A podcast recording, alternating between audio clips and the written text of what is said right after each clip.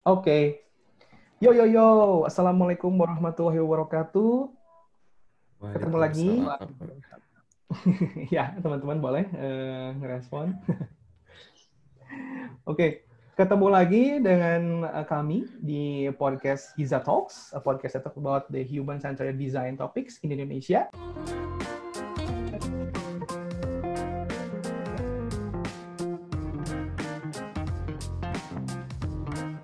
Uh, kali ini mungkin teman-teman dengar tadi ada beberapa orang ya. Uh, ini episode yang dibilang cukup unik, spesial gitu, karena kita uh, ngobrol uh, atau sesinya lah team talks. Kita ngobrol-ngobrol sama tim sendiri nih gitu ya. Akhirnya setelah uh, berapa bulan dari awal kita Januari, episode pertama Giza Talks, dan sekarang sudah bulan Juni ya, gitu. Alhamdulillah sudah ada sekitar 11 episode uh, di Giza Talks dan nggak nyangka juga gitu kita bakal seaktif ini gitu. Dari awal uh, saya pikir ah hanya mungkin sebulan sekali. Dan mungkin juga di awal diniatkan sebetulnya ini untuk suplemen program kami yaitu Mentify di Giza gitu. Jadi kita mengundang para uh, mentornya yang akan jadi mentor untuk sharing dulu nih introduction tentang apa expertise mereka dan uh, apa yang akan mereka ajarkan di Mentify tapi uh, seiring berjalannya waktu gitu, uh, ternyata seru banget nih. Saya pribadi sangat enjoy untuk uh, mengambil informasi, mengambil pembelajaran dari para mentor, para narasumber, sehingga akhirnya kita spread, kita perpanjang, kita stretching konsep konsepnya. Jadi memang Giza Talk adalah uh, suplemen atau uh, pendukung ekosistem belajar uh, UX design ya uh, dari program Giza Lab yang kita adakan gitu dan kami sendiri juga sangat-sangat uh, nambah ilmu pengetahuannya ya dari berbagai narasumber ini gitu. Ya, salah satunya dari kita udah ngundang Kang Boris, uh, Director of Design Ops-nya di Gojek. Kita juga sempat ngobrol sama uh, teman-teman dari belajardesign.io ya, uh, Mas Rian Handi, Mas Brian Dito, dan Mas Raufan.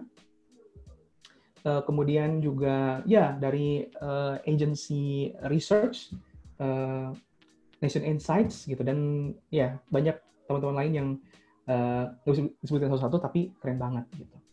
Nah sekarang kita masuk ke Team Talks nih. Kita ngobrol sama teman-teman Giza sendiri dan juga nih sama uh, bintang tamu kita tiga orang anak-anak magang di Giza. Gitu. Nah kita kenalan dulu ya masing-masing ya. Kita mulai dari uh, coba Kang Rian Pratama, coba dong say hi dan perkenalan diri nih. Halo, Assalamualaikum. Waalaikumsalam warahmatullahi wabarakatuh. Ya, Waalaikumsalam. Perkenalan langsung ini. Iya, langsung aja. Silakan. Ya. Uh, perkenalkan, saya Rian Septian Pratama. Saya di sini adalah salah satu tim dari Giza Lab. Ya, uh, tim juga dari Kang Bayu uh, sebagai interaction designer di Giza Lab. Dan juga untuk di Mentify, saya pun menjadi salah satu mentor untuk uh, pembagian di bagian desain, UI desainnya kayak gitu sih. Ya, UI design ya dan interaction design. Oke, okay. mantap nih. Oke nih, uh, gimana nih kabarnya nih, Kang Rian nih? Ya. bulan ini? Alhamdulillah, alhamdulillah nawan. Karantina di sampai dua bulan, eh dua bulan. Uh, dipingit ya. Gak bisa ke mana-mana. Ya, alhamdulillah. Ya. For the best ya. Iya. Iya, oke. Okay. Sip. Oke, okay, uh, eh, nanti kita nyambung lagi ngobrol sama Kang Rian. Nextnya kita ngobrol sama Mr. Evan Ramadan. Waduh. Wow, wadidaw. Waduh. Evan, silakan Evan. Halo semuanya, halo. Halo. Ya, kenalkan, saya Evan Gilang Ramadan. Hmm, saya sebagai researcher di Giza Lab, juga hmm, sebagai ini juga apa, instruktur atau mentor kali ya di Mentify kayak gitu. Oke. Selain itu juga kebetulan di luar Giza uh, dapat amanah jadi koordinator YXE di Bandung. Seperti itu. Wih, mantap. Keren, keren, keren. Iya. Sekarang sibuk apa nih? Sibuk mengurus komunitas. iya, uh, dan bekerja biasa. Sih, mantap. Iya, rajin ya pekerja teladan ya. Amin, amin, amin. Oke. Okay. Uh, eh, amin. So, oke, okay, sekarang kita ini nih ngobrol kenalan sama teman-teman uh, magang nih. Kita mulai dari di uh, Supreme Leader dari uh, Surabaya. Silakan Dani Irawan perkenalan diri. Waduh, Supreme Leader. Oke, uh, kenalin guys, uh, aku Dani Irawan. Sini di Gisa ini saya uh, jadi anak magang ya di bagian graphic design. Jadi ngurusin uh, poster-posternya Giza nih di Instagram. mantap, mantap ya. Konten di ya, luar ya, konten kreator ya. Iya, betul konten kreator. Mantap. Kemudian, kemudian gimana? Terus di luar Giza, uh, aku juga ngeran uh, dua komunitas yaitu Arek Desain Surabaya sama uh, Dribble Community, Kang. Hmm, Dribble Sub ya, Dribble Community di Surabaya ya. Betul banget. Keren, keren, keren, keren. Itu mungkin bisa di-share sedikit tuh kegiatannya apa aja tuh mungkin uh, yang terdekat atau yang baru aja di dilakuin gitu di komunitasnya. Kalau untuk yang di Dribble Community ini, ini uh, bulan kemarin kita habis collab sama Gojek ya, Kang ya. Mm-hmm, untuk mm-hmm. setup. Jadi desain bareng-bareng gitu di Figma 20 orang. Hmm, ya ya ya. Pak istilahnya itu desain desain Nathan. Desain Nathan. Keren yeah. keren keren. Iya, jadi kolaborasi secara remote ya. Uh, yeah. desain bareng-bareng ya. Betul, Kang. Keren keren. Oke. Nanti kita akan bahas juga nih uh, kayak apa yang menarik dari kegiatan desain Ethan dan uh, sejenis sejenisnya ini ya yang kemarin-kemarin sempat uh, marak dan sebetulnya itu punya nilai positif dalam uh, pendidikan para desainer nih, terutama di Indonesia gitu.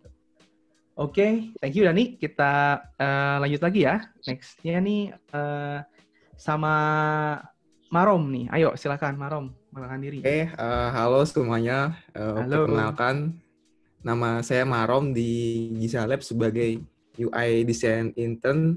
Uh -huh. uh, ngebantu Kang Rian sih.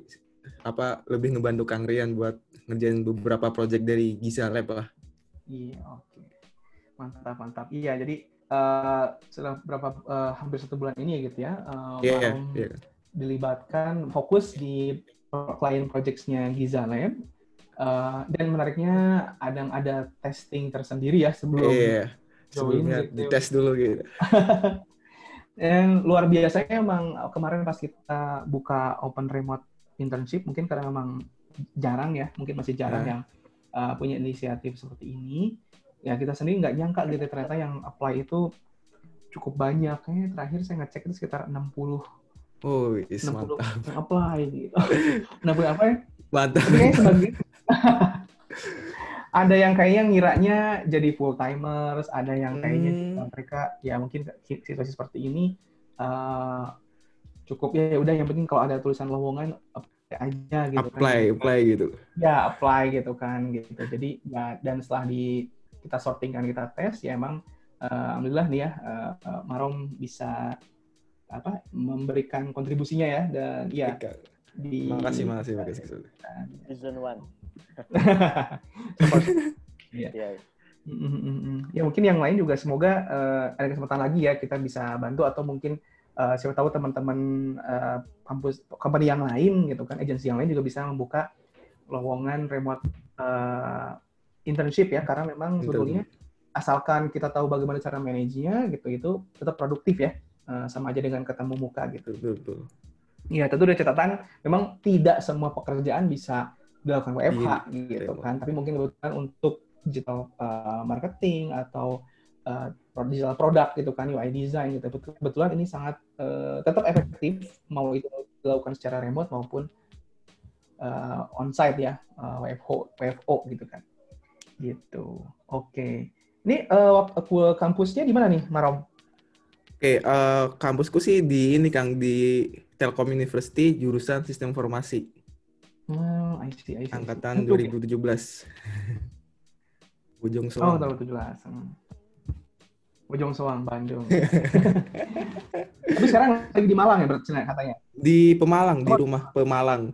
Oh di Pemalang. Iya, banyak kan salah dengar Pemalang gitu, padahal banyak kan salah dengar Malang gitu kan, padahal di Pemalang gitu. Hmm, hmm. ya dekat-dekat dekat-dekat tapi beda gitu sebetulnya. Iya.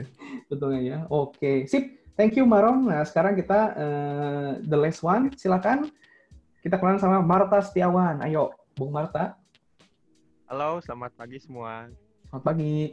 Ya, perkenalkan nama saya Marta Setiawan. Saya intern di Giza Lab sebagai motion grapher. Saat mm -hmm. ini saya aktif bikin konten buat khususnya buat IGTV, IG, konten Instagram TV milik Giza. Ya. Dan juga beberapa postingan marketing untuk marketing Giza di Instagram.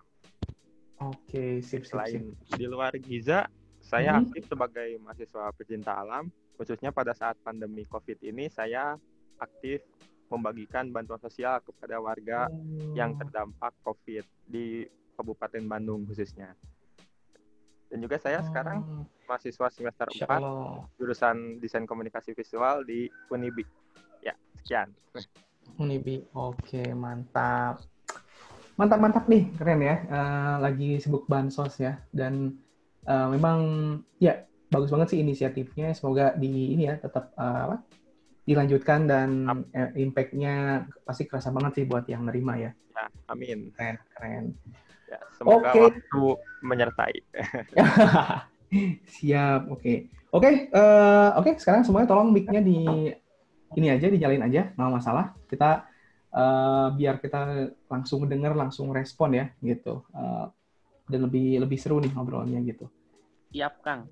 Tuh, oke. Okay. Nah, nah ngomong-ngomong soal ini ya, pasti masih kita dalam kondisi pandemik ya.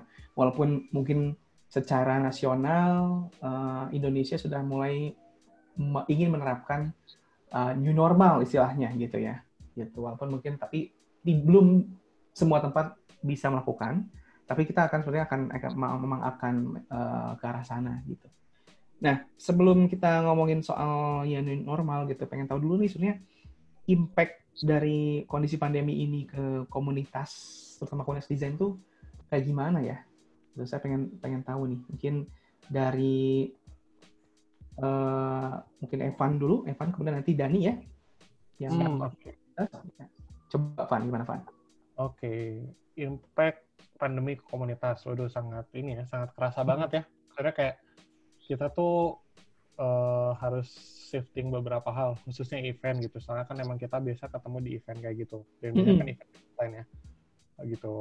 Nah, jadi sekarang uh, kita tuh ya harus ikutan shifting juga gitu misalnya kayak kita beralih ke online event kayak misalnya webinar hmm. kemarin juga kan sempat kerja sama sama Giza juga yeah. ya gitu terus mungkin kayak kolaborasi sama pihak-pihak lain gitu. Misalnya kayak ngedesain bareng waktu itu sama uh, diajakin sama desain game kayak gitu. Jadi emang banyak aktivitasnya cenderungnya berpindah ke uh, online kayak gitu.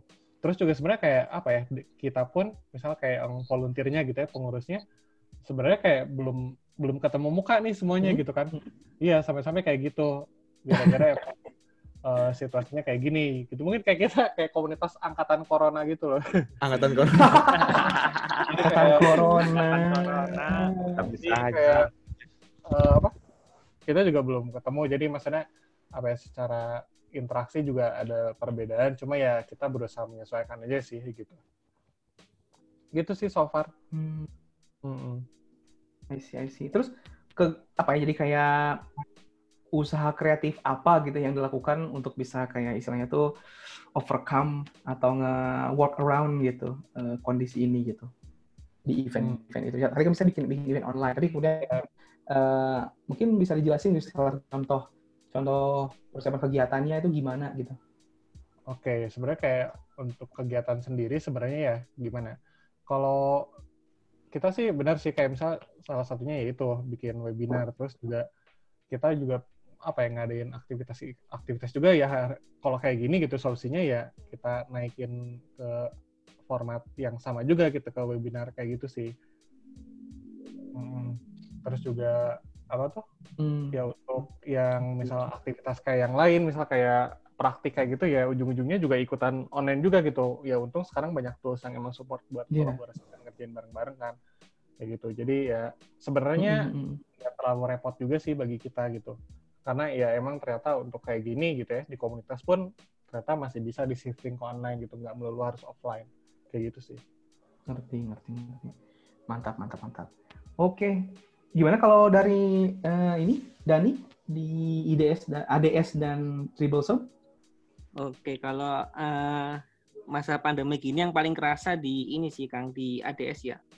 Kan emang ADS ini lebih ke komunitas offline, jadi ke kampus-kampus gitu kan sharing-sharing dan sekaligus ngenalin ADS itu sendiri. Nah, semenjak ada corona ini semua plan-plan gitu auto batal, Kang. Walah, auto batal ya. Iya, auto batal. Terus ya itu benar katanya siapa? Kang Evan. Ya kita mulai ini sih berganti ke online semua ya kayak bikin webinar, terus bikin event senaton ini. Tapi hmm. event event-event itu I see, I see. lebih ke ini ke yang dribble community sih. Gitu. Jadi yang ADS sementara ini masih hmm. tidur. oh, I see, I see, I see. Jadi nah, mungkin, hmm? Kenapa kan? Gak apa gitu ya. Kalau ini desain Nathan itu bisa diceritain nggak gimana sih uh, awalnya dan prakteknya itu gimana sih gitu desain Nathan ini? Oke, kalau untuk desain Nathan itu uh, ini sih kepikir kayak dari desain jam tuh dulunya.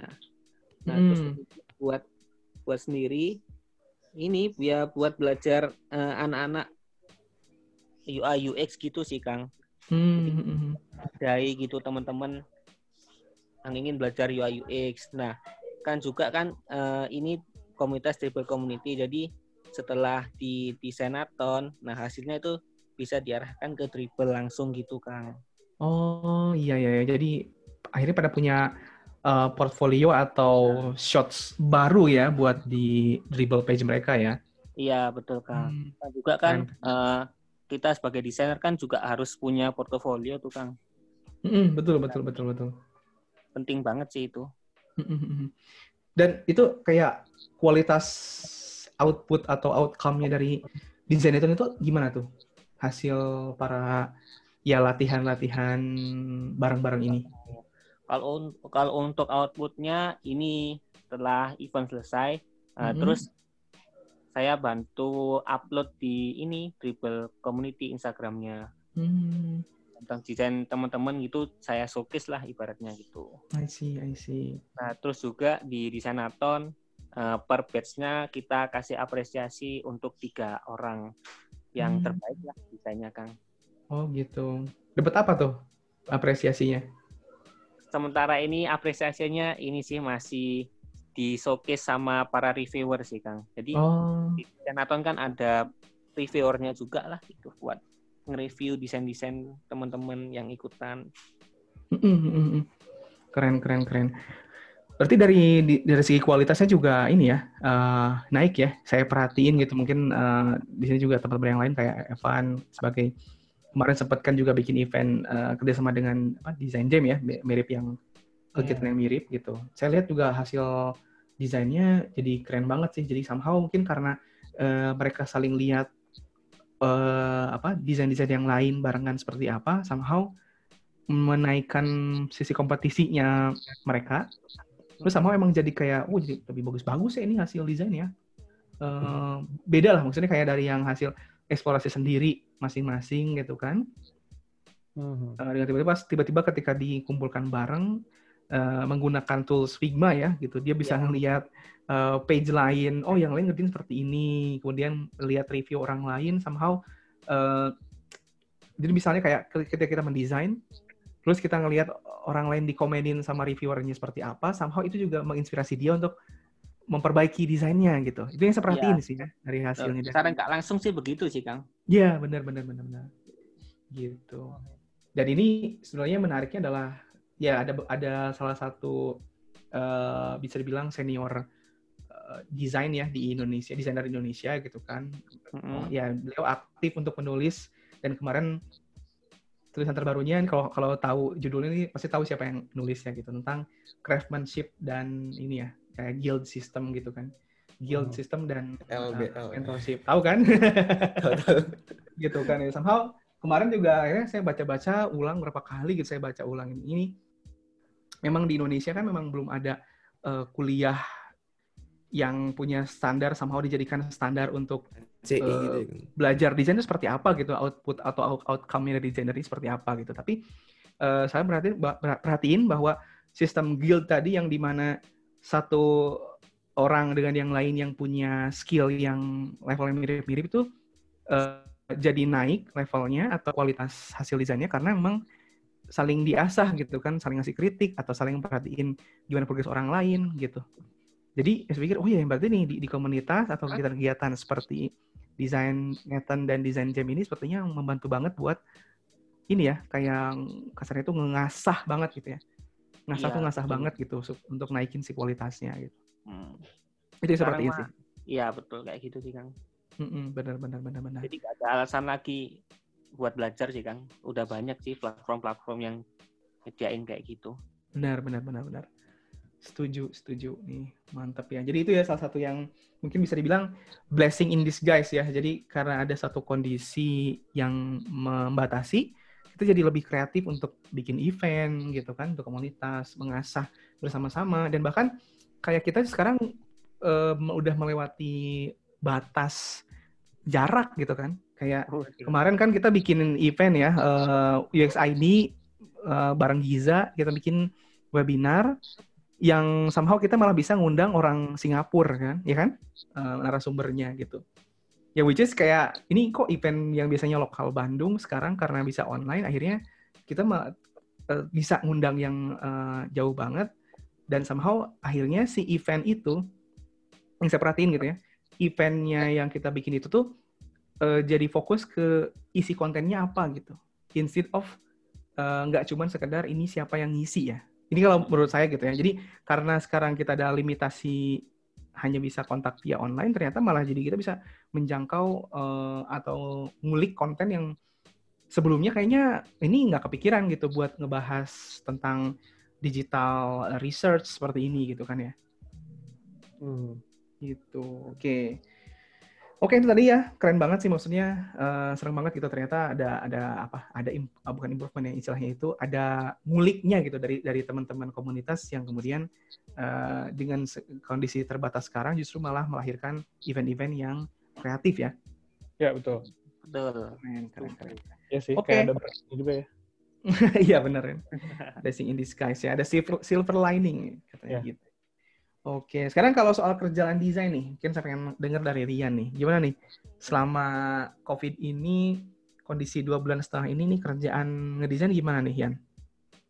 Oke, ya sebenarnya sih uh, untuk awal-awal pasti kalau dari saya sih, tapi nggak tahu teman-teman juga, teman-teman yang sesama industri kreatif yang desain juga, uh, untuk awal-awal seminggu dua minggu ketika WFH, kita tuh ngerasa overtime sih. Itu, nggak tahu apakah hmm si overtime-nya itu tuh uh, padahal kan kita dari segi commute ya uh, nggak ada gitu kan nggak ada kayak proses uh, harus pergi pergi perjalanan dari rumah ke kantor tapi kok bisa sih diam di rumah aja bisa overtime gitu wow. ya mungkin uh, tapi setelah ya mungkin setelah dua minggu uh, udah terbiasa ternyata sebenarnya ada di bagian masalah si komunikasi sih mungkin karena hmm. kayak kayak sesimpel kita kan kalau uh, tiap hari kan ada daily meeting kayak gitu kan untuk uh, reporting pagi-paginya.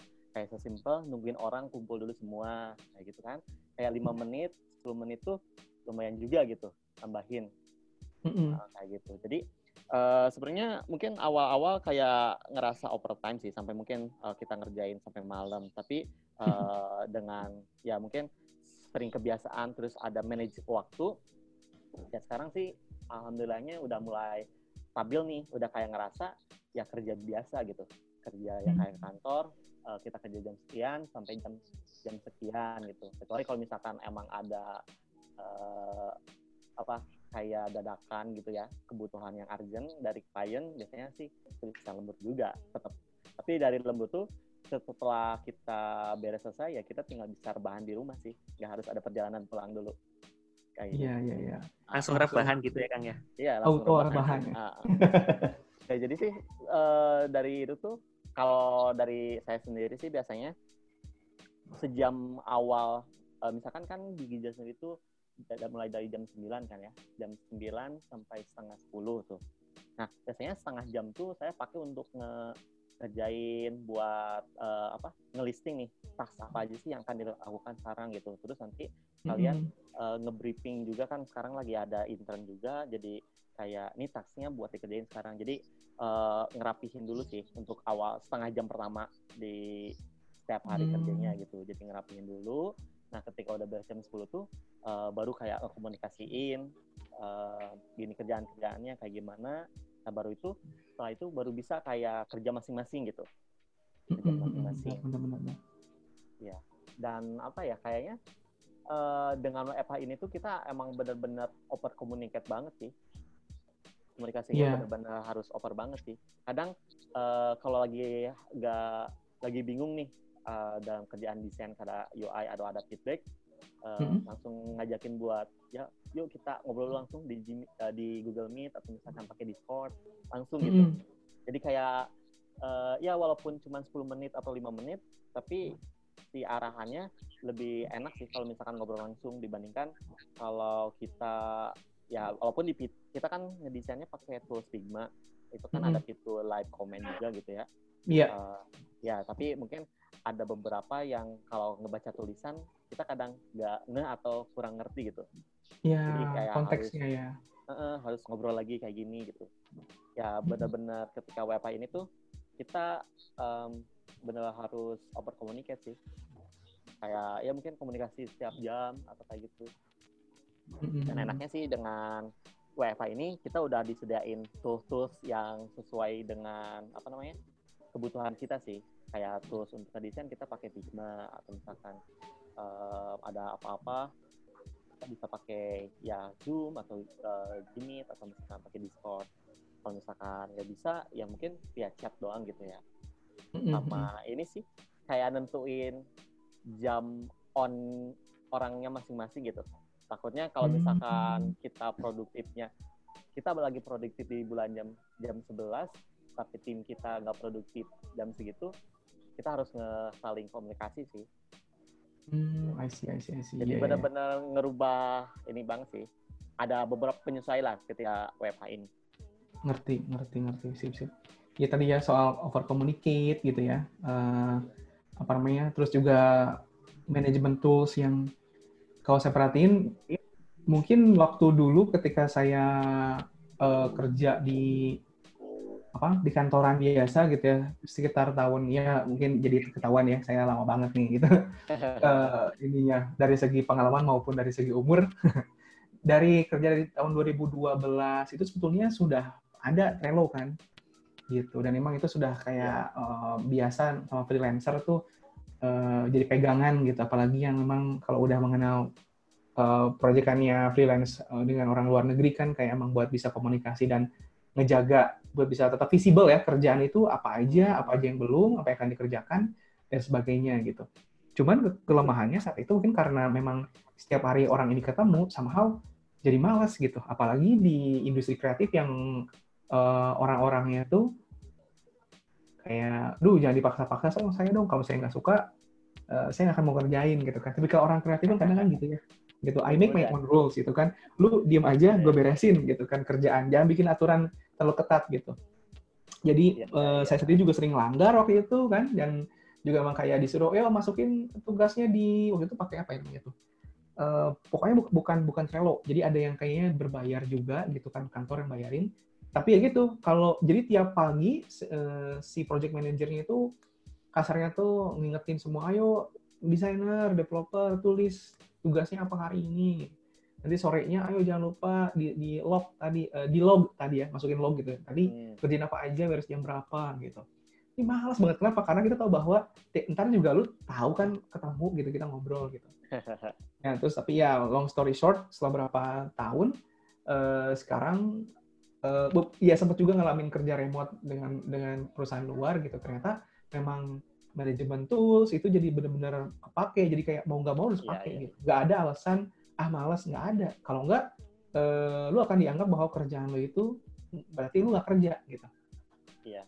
kayak gitu kan dulu dulu kayak gitu. Bahkan sampai sampai dikejar-kejar kalau misalnya even kayak misalnya ya saya kerja dari tadi mana buktinya? Itu nggak ada kayak time stamp-nya gitu jadi ya. ya, ya. Time trackernya katanya gitu yang bisa jadi eh, tadi itu dianggap tidak bekerja padahal kita kerja mati-matian gitu. Uh, seperti itu gitu. ya. Uh, gitu. Dan sekarang uh, mungkin teman-teman nggak tahu nih pada pada nggak kalau uh, orang yang remote itu si status di let's say misalnya Slack atau di WhatsApp atau di chat uh, grup uh, chat fitur gitu ya. Uh, terutama Slack sebetulnya gitu itu sampai ada satu kebijakan uh, di satu perusahaan yang emang full remote, kalian kalau lagi away pasang status away katanya, yeah. jangan online gitu karena kalau kamu pasang online berarti kita expect kamu ngerespon saat itu juga instantly katanya. Oh gitu saya sampai kayak baru nyadar, oh gitu ya fungsi status di Slack gitu. Kalau emang lagi libur, kalau lagi uh, lagi cuti, ubah saat itu juga jadi on vacation katanya. Kalau kamu on, kamu akan dianggap kerja dan orang-orang akan expect kamu ngerespon saat itu juga. Tepat ya. Wow, gitu. Saya, saya pribadi kayak, oh gitu ya. Kirain ya udah hanya status bikin bercandaan gitu kan. Kalau di Indonesia gitu ya. Kita ngerti gitu. Tapi ternyata buat yang di sana itu kayak, jadi itu juga buat yang jaga privasi gitu. Jadi kan uh, di sana buat yang di orang uh, mungkin ya Eropa Barat gitu kan. Nah, uh, apa namanya? Jadi ternyata ya harus apa maksudnya benar-benar penting gitu. Jadi itu juga menjaga privacy gitu. Kalau kita udah set uh, apa namanya status nggak kerja, berarti kita boleh mengacuhkan, kita boleh uh, nggak ngerespon uh, pekerjaan atau uh, panggilan yang masuk gitu. Ya, ya. Jadi ke profesionalitas juga berarti ya kan. Kita harus kayak semacam kasih tahu sih kita tuh uh, kalau misalkan emang ada izin pagi harinya kita onnya jam berapa gitu mm-hmm. ya. Lebih apa ya kalau misalkan ada ditanya atau apa atau mungkin kalau misalkan ada dari klien terus urgent kita bisa ngedelegasiin ke orang siapa gitu untuk handle-nya kalau misalkan mm. si orang ini tuh uh, lagi away gitu, ke mana gitu. Iya benar benar benar benar. Gitu. Mungkin ada respon dari yang lain mungkin Evan mungkin punya pengalaman lain gitu tentang kerja remote ini yang unik apa nih Hmm, yang unik apa ya? Hmm, kerja remote yang unik sebenarnya ya itu sih kayak apa ya mungkin yang lebih kerasa itu kayak komunikasi yang emang apa ya kalau saya sih tipikal yang kalau misal pas masih ngantor kan bawel banget tuh kan kayak apa ngobrol terus gitu ya.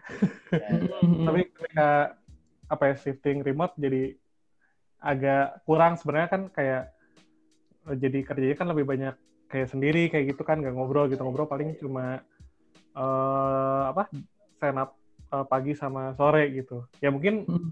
harusnya sih sebenarnya hal-hal seperti itu masih bisa dilakuin sebenarnya kayak gitu. Jadi emang meskipun jaraknya jauh tapi suasana ngantornya masih ada kayak gitu sih. Ya iya iya iya ngerti ngerti. uh, kalau hmm. dari saya sih somehow ngerasa kita tahu kalau misal mungkin karena sendiri jadi bisa lebih fokus sih nggak mm -hmm. ada distraction ya mungkin ada ada yeah. plus di situ sih kalau misalkan dari saya sendiri gitu ya tapi mm. kalau misalkan pingin ngobrol-ngobrol gitu emang enak ya kayaknya uh, nge on terus di Discord kayak gitu ya ya itu juga bisa sih sebenarnya kayak gitu. ngobrol-ngobrol gitu. gitu kan lebih cepat. asik asik sepertinya itu mas klasik yeah. gimana tuh Mbak Dani mau sharing uh, belum ada sih kan oh, kerjaan okay jadi kayak apa masuk di voice channelnya terus ya hmm. ya udah kita iya. kita kerja ya mungkin ada yang kedengeran sambil nyanyi nyanyi atau misalkan hmm. ada suara rumah tangga yang bergelinda gitu tapi enggak kan iya iya iya iya eh, gitu. ya mungkin, oh mungkin itu kayak vibes uh, office-nya tuh kerasa gitu bahwa oh kita kerjanya emang bareng-bareng gitu walaupun hanya batas-batas oh. suara gitu hmm. juga di kayak gitu sih nah coba kita bahas sedikit dulu nih Uh, coba dijelasin dong, uh, Discord ini apa nih? Coba nih, Yan ceritainnya. Discord ya, ini apa? Ya, Discord tuh so, uh, platform chatting kayak gitu, tapi emang dikhususin buat si targetnya tuh kayak buat game gitu sih, buat gamers gitu. Setahu saya sih ya. Jadi buat ya buat main game atau misalkan teman-teman yang lagi main game kayak PUBG atau misalkan COD mm-hmm. sambil main terus kita ada voice channel, kita main sambil uh, uh, ngobrol sama teman langsung gitu di situ. Tapi mm-hmm. uh, somehow banyak juga Discord yang digunain buat kayak grup chat uh, teman-teman atau kelompok yang lain. Bahkan kayak uh, teman saya tuh nyari kerjaan kayak komisi ada di Discord. komisi-komisi buat ilustrator atau graphic designer, oh. ada juga yang nawarin di Discord gitu. Saya yeah. wah bisa juga ya di cari. Iya, soalnya banyak juga gitu kalau misalkan komisi-komisi ya maksudnya komisi itu kayak kita minta penggambarin sesuatu terus nanti kita bayar ke si ilustrator itu. Hmm. Ada juga yang di Discord kayak gitu. Jadi kalau Discord tuh sistemnya tuh server gitu kan ya. Hmm. Uh -uh. Jadi yeah. jadi bisa dimanfaatin ke ke lain hal sih. Hmm. Ya mungkin kalau di apa tuh? Kalau hmm. di Slack mah tim. Ah. Oh. Kayak apa ya? ya. Mungkin kalau yang nggak tahu Discord dan mungkin baru pertama kali nyoba, uh, kalau kalau seenggaknya gitu udah pernah nyoba Slack nggak nggak terlalu ini sih. Uh, hmm. apa belajarnya kayak gitu. Hmm. Bedanya apa sih ini Discord ini?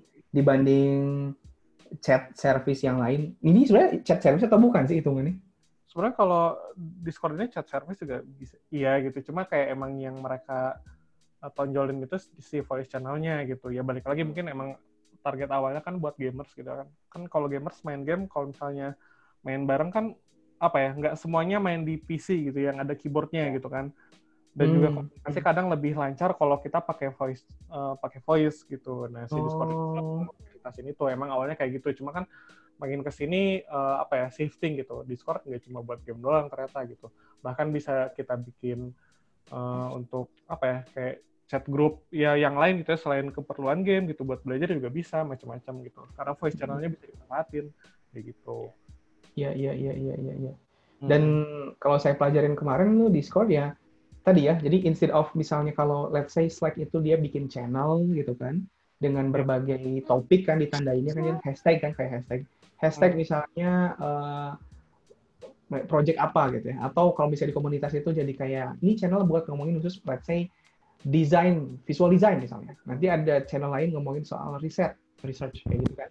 Hmm. Nah itu kan kalau di Slack itu kan kayak kayak chatting ya, ngobrol terus kemudian ada ada threading ya. Jadi istilahnya itu uh, kayak di Facebook atau Twitter gitu gimana ada satu topik terus kemudian kita daripada uh, berantakan di mana-mana akhirnya ter terkumpul di satu trading kan itu itu diselekan keunikannya itu gitu salah satu yang menurut saya powerful dan untuk orang-orang atau uh, tim yang emang senang terorganize kan gitu. Mm -hmm. Nah, mhm. yang kerennya di Discord baru nyadar kemarin itu kayak kamu seperti lagi ngobrol di, di di chatting channel, tapi ini kayak ngobrol gitu ya.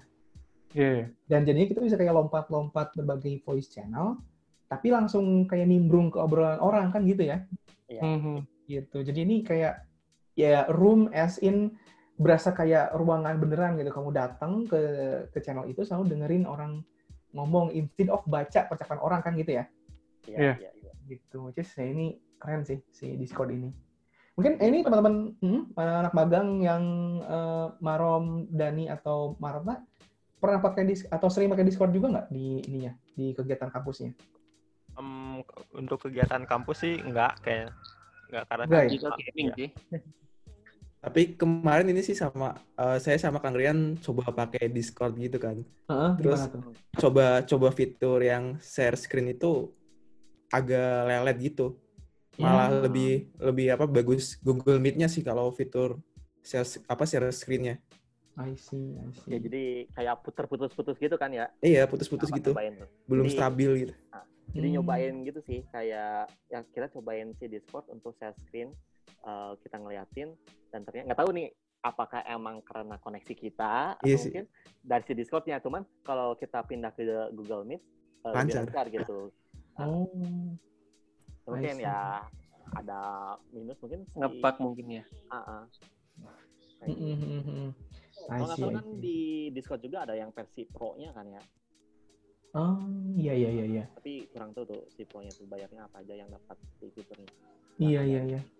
I see. Mm -mm. Oke, itu keren ya Discord ya. Jadi jadi jadi bahas review satu uh, tools ya, menarik juga nih tools. review. Kuy mabar. Boleh sih nanti mungkin kapan-kapan kita bikin podcast lagi tentang review lagi ya, tentang tools-tools desain atau apa pun ya. Mantap menarik itu Kang. Nah, boleh. Yang tuh. baru tuh. Boleh, boleh, boleh. Yang lagi muncul baru kemarin-kemarin. Apa tuh? Tools, tools Framer. Framer. Framer. Bahas pengalaman kita kemarin kan. iya. Oh, nah, kita nyobain langsung pakai Real Project. Udah, kalian ini aja. Apa namanya? Ini deh, uh, apa bikin ya rekaman podcast, podcast lagi nih gitu ya terserah misalnya uh, di hostnya sama Rian uh, misalnya let's say Marom atau siapa gitu ya Marta Dani juga join aja bikin aja ininya si rekaman nanti kita uh, apa jadi episode tersendiri nih di Giza Talks it's okay sih oh. itu keren kayaknya oke okay. ya Oke, okay. jadi kita bisa punya banyak segmen nanti gitu ya. Jadi nggak sekedar misalnya saya, yaudah saya handle yang ngomong eh, ngomong-ngomong tentang apa bisnis, strategi atau riset gitu kan. Uh, uh, atau mungkin kayak nanti Evan fokus di riset, nanti Rian fokus di desain dan tools gitu kan. Bareng siapa aja, it's okay. Seru kayaknya makin rame. Segmen tools review. Ya. Kembali lagi. Posting, eh, posting. Ini ya Ryan software review gitu ya. Oh, ada. Halo Rian di sini. Kalian bahas tentang Anjay. Tahu tuh slogannya. Brian Software Review itu kalau sebenarnya kalau di YouTube ada channel anak kecil yang review main Iya. gitu kan? Ryan Toys Review. Iya. Kayak Ryan Tools Review. Ah. keren Yan, keren Yan. Boleh Yan. Oke deh.